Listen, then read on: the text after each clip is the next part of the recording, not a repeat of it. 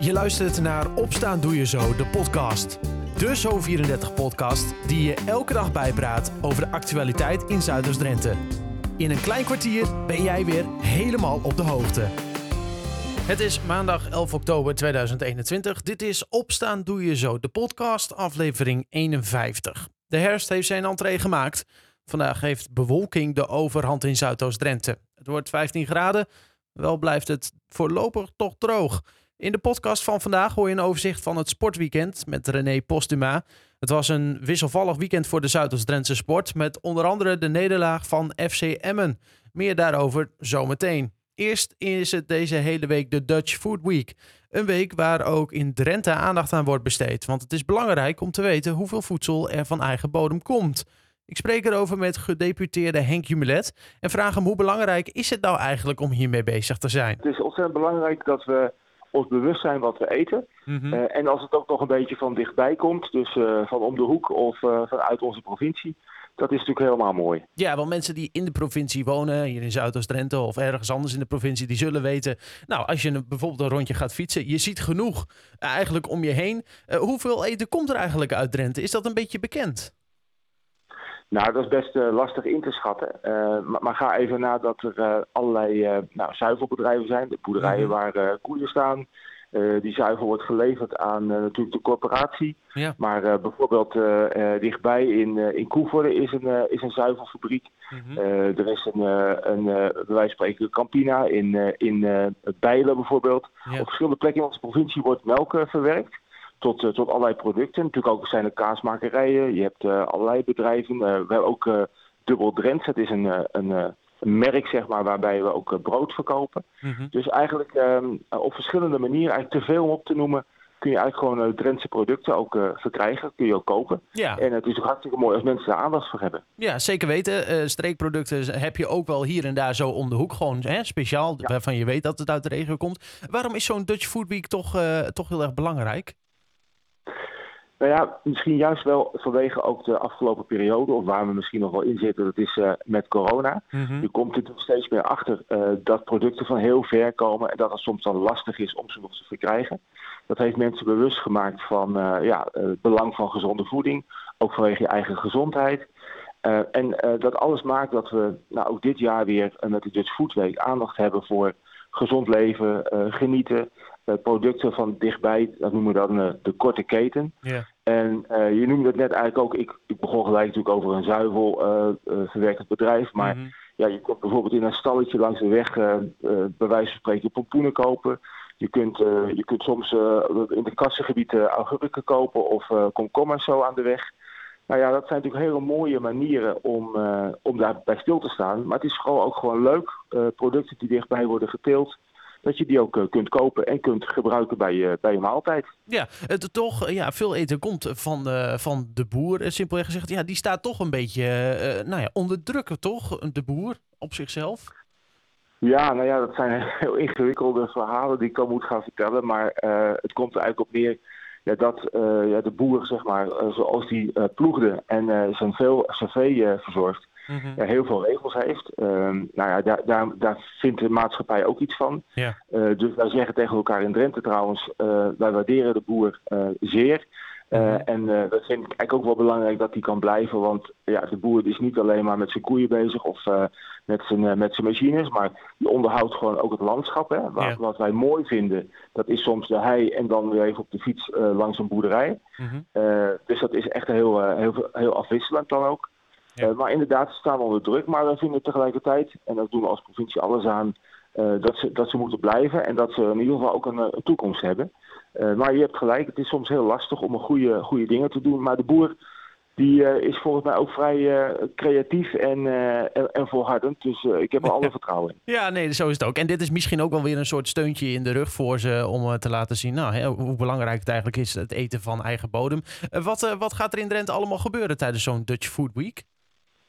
Ja, nou, we, hebben, eh, we doen eigenlijk al voor, eh, ik meen geloof ik het vijf of zes jaar mee. Eh, in heel Nederland zijn er allerlei activiteiten. In onze provincie hebben wij al een heel aantal jaren Bourgondisch koken met kids.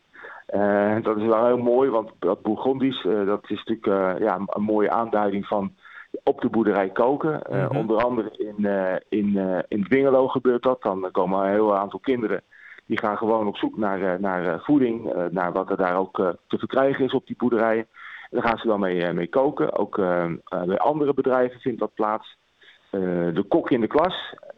er worden in deze week 75 kookboxen met inhoud worden bezorgd bij scholen. Oh, En die gaan dan in de, in de klas aan de, aan de slag met wat je ervan kunt maken. Er is een, een fruitplukdag en je kunt ook nog wat kun je doen met je pompoen. -hmm. dus we proberen het ook leuk te maken, zodat kinderen ook snappen ja, waar het eten vandaan komt. maar dat ze er ook iets van kunnen genieten, want het moet ook lekker zijn. dus we zijn niet met, met het vingertje omhoog van dat mag niet en zo moet het we proberen het vooral uitdagend te maken en ook vooral leuk te laten zijn. Ja, dus de focus ligt daarbij ook vooral dan op de, op de kinderen en de basisscholen, zeg maar. Ja, dat is uh, voor, een, uh, voor een deel zo. Uh, we hebben ook de Week van het Nederlands Voedsel. Mm -hmm. dat is deze week ook. En, en, daar is bijvoorbeeld in een aantal restaurants ook aandacht voor, voor voeding. En dan is het bijzonder natuurlijk dat je ja, het Nederlands voedsel centraal zet. Maar om even voor jou te weten en voor de luisteraars... Dat gaat ook over bier bijvoorbeeld. Hè? Waar komt ons bier vandaan? Ja. Er worden nogal wat biertjes ook in, in, in, Drenthe gebrouwen. En het is gewoon leuk om te laten zien dat je ook uh, in Drenthe gewoon biertjes kunt krijgen die, die lokaal zijn, zijn gebrouwen. Nou, in, in Emmen is dat ook zo. Dus je hebt op verschillende plekken voor verschillende leeftijden allerlei activiteiten. En uh, morgen begint trouwens ook nog uh, het zogenaamde uh, GLB-congres. Mm -hmm. Dat doen wij samen met Groningen en Friesland. Dat vindt plaats in Oosterwolde, net over de grens in Friesland. Yeah. Maar dat is een congres voor boeren. en alle geïnteresseerden om kennis te nemen van het nieuwe landelijk, maar ook Europees landbouwbeleid. En dat, dat is ook een van die activiteiten. Ja, en dat, is dan, dat duurt drie dagen, toch, dat congres? Ja, dat duurt drie dagen, maar uh, de hoofd, het hoofdprogramma is vooral op 12 oktober. Hmm. Dan gaat het echt heel specifiek ook over ja, wat staat boeren te wachten. Je zei net al even, boeren en, en, en agrarische bedrijven hebben het niet allemaal altijd makkelijk. maar er is een congres om, om aan te geven wat er ook in de komende jaren weer op het programma staat en wellicht ook gaat veranderen. Dus uh, daar wordt iedereen ook voor harte voor uitgenodigd om mee te doen. En dat kunnen ze vinden ook op onze website van de provincie Drenthe. Ja, precies. En uh, ook meer info daarover op toekomstbestendigboerennoordnederland.nl. Zo, dat is een hele, hele mond vol. Um, tot slot, ik zie ook nog wat uh, recepten op jullie website van de provincie staan. Dus dat is allemaal ook een beetje, nou ja, hè, uit de regio? Ja, nou ja, uh, zeker. Want uh, ook in het provinciehuis, en dat, dat proberen we ook bij anderen wat, ja, wat aan te wakkeren of wat, wat onder de aandacht te brengen. Mm -hmm. bijvoorbeeld ook menus aangepast om, om te laten zien dat het niet altijd van ver hoeft te komen. en dat je bijvoorbeeld ook seizoensgebonden producten kunt gebruiken. Want ja, dat is natuurlijk van belang, denk ik, ook voor, vanwege het klimaat en allerlei andere dingen. Dus uh, we, doen er, uh, we er dapper aan mee en er is op heel veel manieren aandacht voor de Dutch Food Week. In de kantine op het provinciehuis en de gemeentehuizen in Drenthe is er dus extra aandacht voor die Dutch Food Week. En dat kan dus ook gewoon bij jou thuis. Aandacht voor eten uit de streek is leuk en lekker dus. Zometeen blik ik met René Postuma terug op het sportweekend. Na het laatste nieuws uit Zuidoost-Drenthe. Emco Dolfing stopt als voorzitter van het Huis van de Tol. Dolfing, die in 2019 voorzitter werd, stopt vanwege gezondheidsproblemen. Hij wordt opgevolgd door Emmenaar Roel Barkhoff. Hoewel Barkhoff officieel pas over twee maanden begint, is hij de komende tijd al bij de activiteiten van de streektalorganisatie betrokken. Verslaggever Ruud ten Wolde, bekend van RTL Boulevard, is op 29-jarige leeftijd overleden. Zijn overlijden maakt veel los op sociale media. Ten Wolde, geboren Emmenaar, had kanker en vertelde daar openhartig over. Later deze maand verschijnt het boek dat hij schreef over zijn ziekte. Zijn familie schrijft op Twitter: Ruud heeft tot het einde dapper gestreden en wilde zich niet gewonnen geven. Jullie weten hoeveel hij van het leven hield. Ze zeggen zijn vermogen werkelijk iedereen te kunnen raken te zullen missen. En een automobilist is zaterdag op zondagnacht van de weg geraakt en tegen een boom langs de weg beland in Koevoorden. Volgens de politie vielen de verwondingen van de bestuurder mee, maar is hij toch ter controle naar het ziekenhuis gebracht. De auto kwam rond half twee van de Dalerallee in de richting van de Hulsvoorde-dijk toen het misging. Waarschijnlijk is de bestuurder de macht over het stuur verloren en heeft de auto onderweg iets geraakt. Aan de overkant van het kruispunt met de gouverneur Hofstedelaan kwam de auto in de bosjes tot stilstand. Over de kruising lagen grasbollen en onderdelen van de auto verspreid. Er is ook een wiel van de auto losgeraakt. De kruising werd na het ongeluk deels afgesloten. Tot zover het laatste nieuws uit de regio. Meer nieuws altijd in onze app of op onze website zo34.nl. Daar vind je ook altijd het laatste sportnieuws. En dat hoor je ook elke maandag van René Postuma. We begonnen dit weekend bij FC Emmen, die zaterdag de wedstrijd speelde tegen Excelsior. Een belangrijke wedstrijd die je na een winreeks positief ingaat. En dan ga je vol goede moed naartoe. En dan ga je uh, teleurgesteld naar huis, want Emmen verliest met uh, 0 tegen 1. Uh, en dan maakt het misschien nog wel erger dat een uh, oud jeugdspeler van, uh, van FC Emmen, Thijs Dallinga, de winnende treffer maakte voor Excelsior. Ja, dus, we hadden het er nog zo over, René. We hadden het er nog zo over ja, dat ja. hij afgestropt moest worden. Ja, de, de, de, de spelers van tevoren ook wel, hè? want iedereen was er wel heilig van overtuigd van, van die Dallinga, die moeten we van het score afhouden. Dan, nou ja, dan pakken we in ieder geval een punt. Mm -hmm. uh, ja, dat klopt ook wel, alleen uh, ja, het plannetje kwam niet goed uit. Uh, een beetje onachtzaamheid in de verdediging, balletje over Veldmaat heen die niet goed stond. En Dallinga knikte hem diagonaal binnen met het hoofd. Een prima, prima goal. Ik moet zeggen, Excelsior begon goed. Uh, zette Emmen direct goed onder druk. En uh, ja, gedurende de, de eerste helft uh, kreeg Emmen wat, wat meer overwicht. Uh, maar toen puntje bij paaltje kwam en het erom ging, uh, ja, toen gaf Emma even niet thuis. En ja, dan pak je, uh, na afloop krijg je dan zo'n lijstje met allerlei statistieken te zien. Mm -hmm. En dan is Emma eigenlijk in alles beter geweest. Hebben ze meer balbezit gehad. Want als je, als je dat, ook, dat ook ziet, dat is echt, nou ja, wat is het, 65 procent yeah. balbezit. 16 doelpogingen, waarvan er vijf tussen de palen. En dan kijk je naar het lijstje van Excelsior en dan staat er uh, maar één uh, bal tussen de palen. Maar ja, ja, die ging er wel in. Ja, precies. Is het dan, en toch een beetje... Uiteindelijk, uiteindelijk gaat het daarom, hè? Precies. Is het dan toch een beetje het gemis van Araujo ook achterin? Of was het gewoon een ongelukkige? Ja, nee. Ik denk dat Araujo hier ook niet uh, had aan kunnen veranderen. Alhoewel dat altijd niet... Ik bedoel, hij doet vier keer mee en Emmen wint vier keer achter elkaar. Ja. Het is zuur voor Miguel, zijn vervanger. En ja, er zijn toch wel mensen die zeggen van ja, ja zie je wel, hij is er niet bij. En dan, ja, dan, dan gebeurt dit. Ja, misschien was het niet gebeurd. Dat zullen we nooit weten. Ik moet wel zeggen dat Miguel wel uh, uh, op zich aardig, aardig speelde. Oh, ja. Aan deze treffer kon hij niks doen. En uh, ja, het is, het is zuur voor Ja. alles en iedereen die van, van FCM houdt. Maar goed, 0-1 is geen gigantisch grote nederlaag. Dus eh, volgens mij zit de moed er nog wel aardig goed in, toch? Ja, maar als je iedere wedstrijd met 0-1 verliest, degradeer je. Ja, dat- het seizoen, Alhoewel Emmen dat niet kan natuurlijk. Eh, ja, het, is- het is gewoon heel erg zuur. Alhoewel, ik moet wel zeggen dat na afloop het feestje op de Oude Middijk er niet minder op was. Er was een live band en Oh. eh, nou ja, we moeten na afloop dan al interviews doen. En die zetten we wel online en dat soort, eh, dat soort dingen. Dus we gingen denk ik rond eh, nou, 11 uur, eh, kwart over elf naar huis toe. Mhm. En eh, toen was het nog gezellig, hè? Toen zat de band nog nou, op het podium, iedereen eromheen. Dus aan de sfeer na afloop lag het niet. Nee, precies. De stand op dit moment Emmen dan zesde. Ehm, en Excelsior die staat nu voorlopig bovenaan. Er zijn nog wat wedstrijden die gespeeld moeten worden. Maar het verschil is slechts drie punten. Dus er is nog niks verloren wat dat betreft. En het spel was Nee, redelijk goed. Dus niet.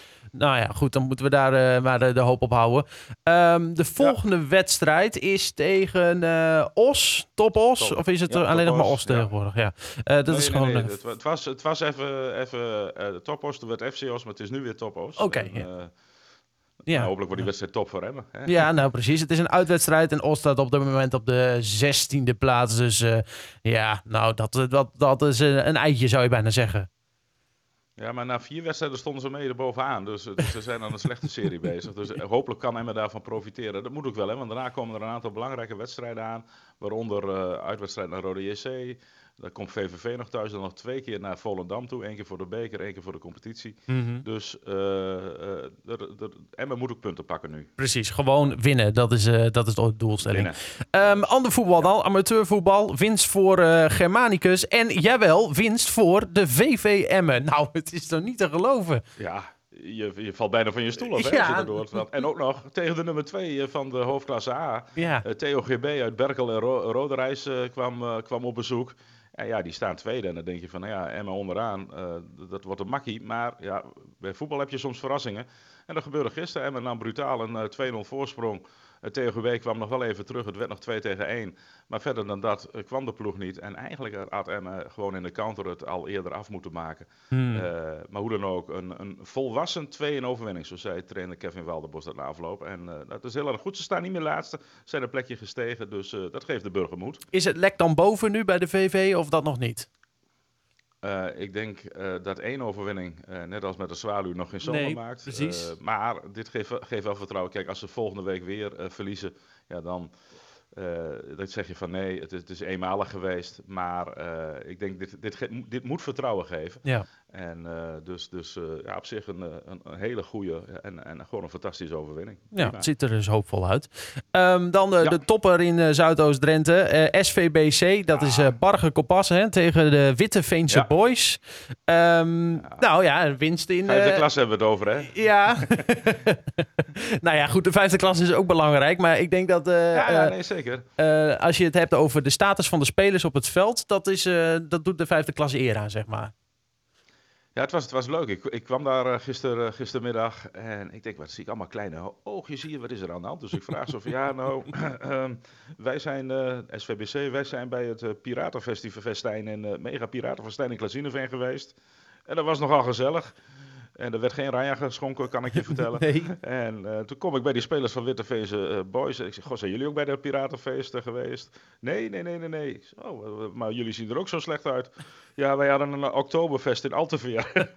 en ook dat was, uh, was heel erg gezellig. En dan denk je van, nou, dit wordt een soort walking voetbal waar ik naar ga kijken. Maar die eerste helft, geweldig. Uh, prima aanvallen, met name van de thuisploeg van SVBC. Halverwege 2-0 voorsprong voor de ploeg van trainer Geert Katoen. En uh, tweede helft, toen zag je wel dat de vermoeidheid een rol ging spelen. Die was wat minder. Uh, de Witteveense Boys kwam nog tot 2-1 terug. Dan denk je van, het wordt nog spannend. Maar eigenlijk was SVBC de betere ploeg. En in de slotfase werd het uh, eh, 3 tegen 1. En dus uh, nam de ploeg uh, van Geert Katoen de leiding over van Witteveense Boys. Want Witteveense Boys had nog geen wedstrijd verloren. SVBC had één wedstrijd gelijk gespeeld. En nu staat de ploeg dus bovenaan. En ja, ik zei het al, trainer Geert Katoen. Hij is ambitieus, want de doelstelling voor dit seizoen is duidelijk. Ik heb met een stuk of acht, eh, tien jongens eh, gesproken. En dat was de eerste vraag, wil je promoveren? Dus ik heb ook niet gezegd van, wil je kampioen worden? Nee, promoveren. En ze willen allemaal promoveren. Nou, dat wil ik ook, ook graag. Dus dan is dit een uh, goede stap in de goede richting. Nou, precies. Dan, uh, dan lijkt het duidelijk, ja. toch? Ja, ja, dat is, uh, nou ja, ik vind ook eigenlijk, als je het voetbal gisteren zag, moeten ze ook promoveren. Want het was echt Eerste helft was een hele goede wedstrijd, prima aanvallen.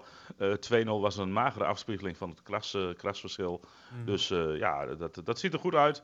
Maar weet je wat het is? De ploeg heeft niet een hele brede selectie. Ja, in, in, in het najaar kreeg je gele kaarten, schorsingen, blessures. Ja. Dus, maar een tip voor SVBC, gewoon Iedere week op zaterdag naar het Piratenfestijn. Ja, precies. Iedere week een feestje vieren. Dat helpt. Iedere um, week ehm, een feestje vieren, ja. Dan uh, het handbal in Zuidoost-Drenthe met natuurlijk uh, Hurry Up, ENO en uh, de beachhandballers. Ja, ik vertelde die eerder al in het nieuws. De beachhandballers pakten een twaalfde positie. Daar had misschien wat meer ingezeten, maar volgens mij waren de ploegen om hen heen vooral wel heel erg sterk.